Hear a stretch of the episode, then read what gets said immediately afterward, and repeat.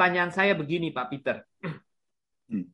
Uh, Pak Peter jatuh hati pertama kali itu ketika melihat lukisan di Ponorogo ya yang dibuat oleh sketsa yang dibuat oleh Mayor Reader Bustus ini ya.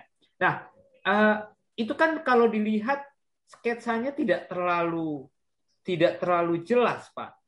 Apa hmm. ya? Apa yang membuat Pak Peter sampai terdorong begitu untuk masuk ke di dalam uh, sosok Pangeran Diponegoro, Pak? Ya, itu susah susah dijawab ya. Ada pepatah uh, orang Tionghoa ya. Satu gambar lebih memukau daripada seribu kata ya. Um, hmm. A glance, uh, satu kilas uh, yang melihat sepintas lalu um, lebih um, lebih berbobot dari um, ya satu buku kecil ya. Um, jadi saya ada semacam um, kontak batin semacam glance saja ya. Uh, dan ada sosok yang sangat misterius sangat berat. Um, ya seperti uh, punya beban uh, tidak bisa lihat muka. Ada sesuatu yang yang agak agak ajaib agak agak misterius. Dan uh, tiba-tiba saya tertarik. Um, tertarik sebab saya melihat bahwa di adalah semacam figur transisi ya seperti Daniels adalah figur transisi sebab dia membuka pintu kepada salah satu um, negara modern di uh, di di Nusantara ya di, di Indonesia. Dengan satu reformasi mendasar uh, berakar dari um, uh, sistem korup dari uh, VOC uh, dari um, uh, sistem perdagangan Hindia Belanda. Jadi um, ya saya ambil dia um, ya seperti salah satu um, tulang punggung dari skripsi saya. Uh, dan itu semacam uh, adventure satu perkenanan ya. Uh, saya belum tahu uh, terlalu lengkap mengenai dia tapi saya tertarik dan saya punya salah satu kenalan di Amerika um, Harry Bender yang pernah bilang kepada saya um, bahwa dia sudah lama bercita-cita membuat salah satu studi mendasar mengenai Diponegoro, tapi tidak sempat uh, sempat membuat. Uh, um, dan unsur bagi saya, saya uh, tiga kali minoritas. Ya, ibu dari Skotlandia, ayah punya keluarga di Irlandia, saya lahir di, di koloni. Ya. Dan waktu saya kembali ke Inggris, ya ada keangkuhan, ada ada salah satu um, ya dari atas sampai bawah melihat orang-orang di luar Eropa atau ya tidak menghargai. Dan saya mau membalas dendam. Membalas dendam dalam arti um, membuat lebih uh, lebih serasi lebih um, lebih uh, berbobot orang-orang yang punya different truths ya different um, mereka bisa ada semacam kearifan kearifan lokal yang uh, bukan barat sebab uh, sejak saya enam tujuh tahun harus menempuh uh, pendidikan di Inggris, saya mengalami salah satu um, ya penyingkiran uh, dari apa yang saya mengalami uh, selama tujuh tahun awal. Hmm. Hmm. Ya, ya. Menarik, menarik. Balas dendamnya positif gitu ya, Pak? Iya, balas dendamnya. Balas dendam yang positif untuk ya, uh, ya to write, ya uh, uh, seperti di dalam Hamlet ya.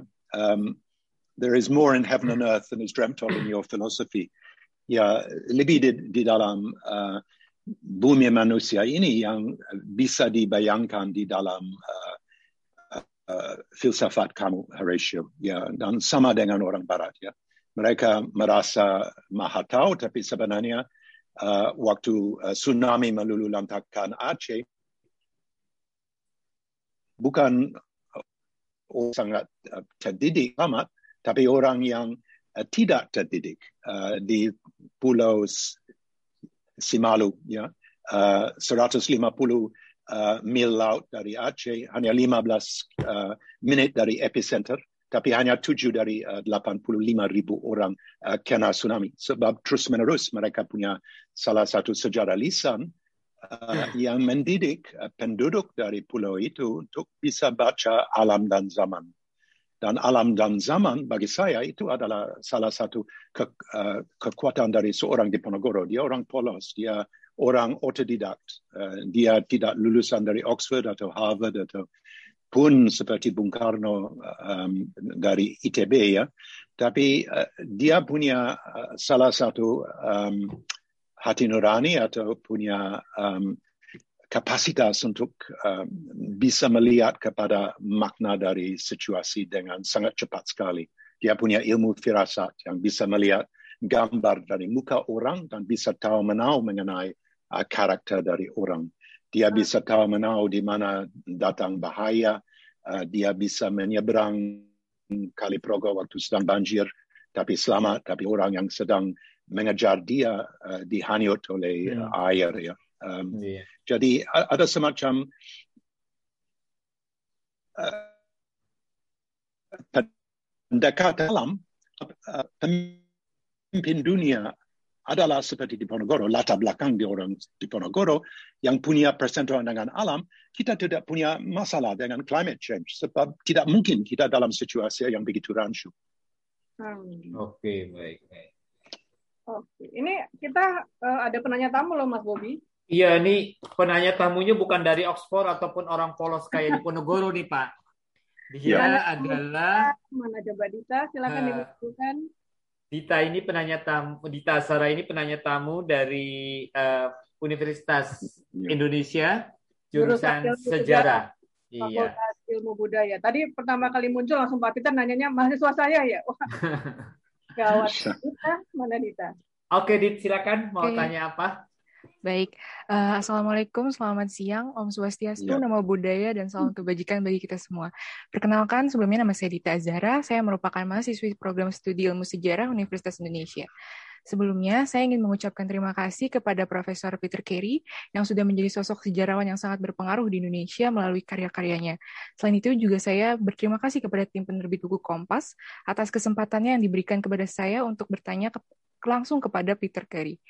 Yang saya akan tanyakan adalah dalam melakukan penelitian untuk menghasilkan suatu karya tulisan, terutama di sini yang saya ingin fokuskan yakni terkait salah satu tulisan Profesor Peter Carey yang sangat terkenal, yakni tentang disertasinya mengenai Perang Jawa. Jika dilihat dari batasan temporalnya, perang tersebut kan terjadi sekitar abad ke-19. Lalu yang ingin saya tanyakan bagaimana Profesor Peter Carey ini melakukan suatu tahapan dalam penulisan sejarah yakni verifikasi sumber yang di mana bagaimana melakukan proses perbandingan sumber untuk mendapatkan sumber-sumber yang komprehensif. Karena kalau berdasarkan pandangan saya, sumber untuk kurun waktu tersebut dapat dikatakan agak sulit karena mungkin dapat dikatakan untuk mendapat sumber dengan kredibilitas yang tinggi hanya hanya mengandalkan arsip-arsip pemerintah dan naskah-naskah kuno yang masih ada. Begitu dari saya, terima kasih. Ini karena Terima mahasiswa kasih, pertanyaannya langsung verifikasi sumber verifikasi. katanya gitu kan berat ini. Yang untuk teman-teman ngobrol yang lain silakan mengajukan pertanyaannya melalui kolom Q&A nanti akan kita bacakan. Oke, silakan Pak Peter. Ini uh, Dita, kamu semester depan ketemu Pak Peter, jangan ditanyain lagi ya. Ya, oke. Okay. Terima kasih banyak. Itu satu pertanyaan yang sangat menarik dan sebenarnya um, adalah uh, sesuatu yang kita harus uh, ambil sebagai pelajaran untuk um, masa depan kami ya. Um, untuk membuat penelitian sejarah, uh, waktu saya membuat penelitian itu cukup alot ya. Uh, kita harus belajar bahasa, um, bahasa Belanda untuk saya untuk bisa membuka tulung punggung dari um, arsip um, uh, Hindia Belanda, arsip keresidenan, uh, laporan resmi harus uh, ya belajar bahasa Jawa untuk bisa baca babad. Um, dan tanpa ada babad di Ponorogo atau buku Gedung Kebo atau Hikayat Tandano dari Kiai Mojo atau um, ya babad keraton uh, Jogja yang ditulis oleh salah satu um, panglima muda di Ponorogo Gondokusumo dan Sorionegoro uh, tidak mungkin kita bisa menulis uh, sejarah ya uh, jadi itu salah satu um, ya waktu ngengger atau magang yang cukup lama ya. Uh, dan kita jangan terlalu terkesa-kesa. Um, kalau sejarah saya lihat itu seperti anggur ya, lebih lebih banyak di, lebih lama disimpan uh, lebih enak di uh, diminum ya um, jadi kalau kita terlalu terkesa-kesa itu penyambungan uh, dan uh, jaringan uh, susah dimengerti. Ada ada jaringan um, konteks internasional ada konteks uh, lokal ada konteks dari uh, sistem kolonial ada uh, uh, sistem kolonial yang bermacam-macam sebab Inggris datang dan uh, Belanda ada dan Prancis juga di sini. Um, jadi ini salah satu situasi yang yang cukup rumit dan kita harus um, sabar ya harus sabar. Harus lama sekali. Saya punya profesor di di Oxford uh, Richard Cobb yang um, hampir satu dekade uh, di arsip uh, di Prancis di Paris ya. Dan waktu saya um, punya dia sebagai uh, supervisor dari uh, skripsi muda saya mengenai uh, revolusi Prancis seperti dia bisa mimpi dia bisa berjumpa orang di dalam mimpi. Sebab begitu kenal um, uh, sosok uh, yang melalui arsip um, salah satu saya menekankan adalah bahwa itu salah satu perjalanan yang yang cukup alot dan cukup makan waktu. Untuk masa depan, saya merasa kita punya salah satu opportunity yang sangat menarik sekali. Baru saja meninggal teman saya yang sudah lama sekali, Nona Mona Lohanda. Mona, ya. Lohanda. Nona Mona adalah anak Mona Lohanda. Ada anak Tangerang, anak uh, Cibeng, uh, Cina Benteng, um, yang sangat bangga atas asal usul. Um, tapi dia sudah lama sekali um, kerja di arsip ya. Dan pada ujung dari karier, uh, dia uh, bergabung dengan TANAP um, towards a new um, era of open archives ya. Um, untuk membuat bahwa ada kira-kira 10 juta halaman dari um, arsip VOC. Di dalam program yang Nona Mona bergabung, mereka bisa membuat dari ke sepuluh dari uh, arsip VOC, semua dari um, dark registers dan lain-lain online ya. Um, jadi bisa dilacak um, peneliti ya. Jadi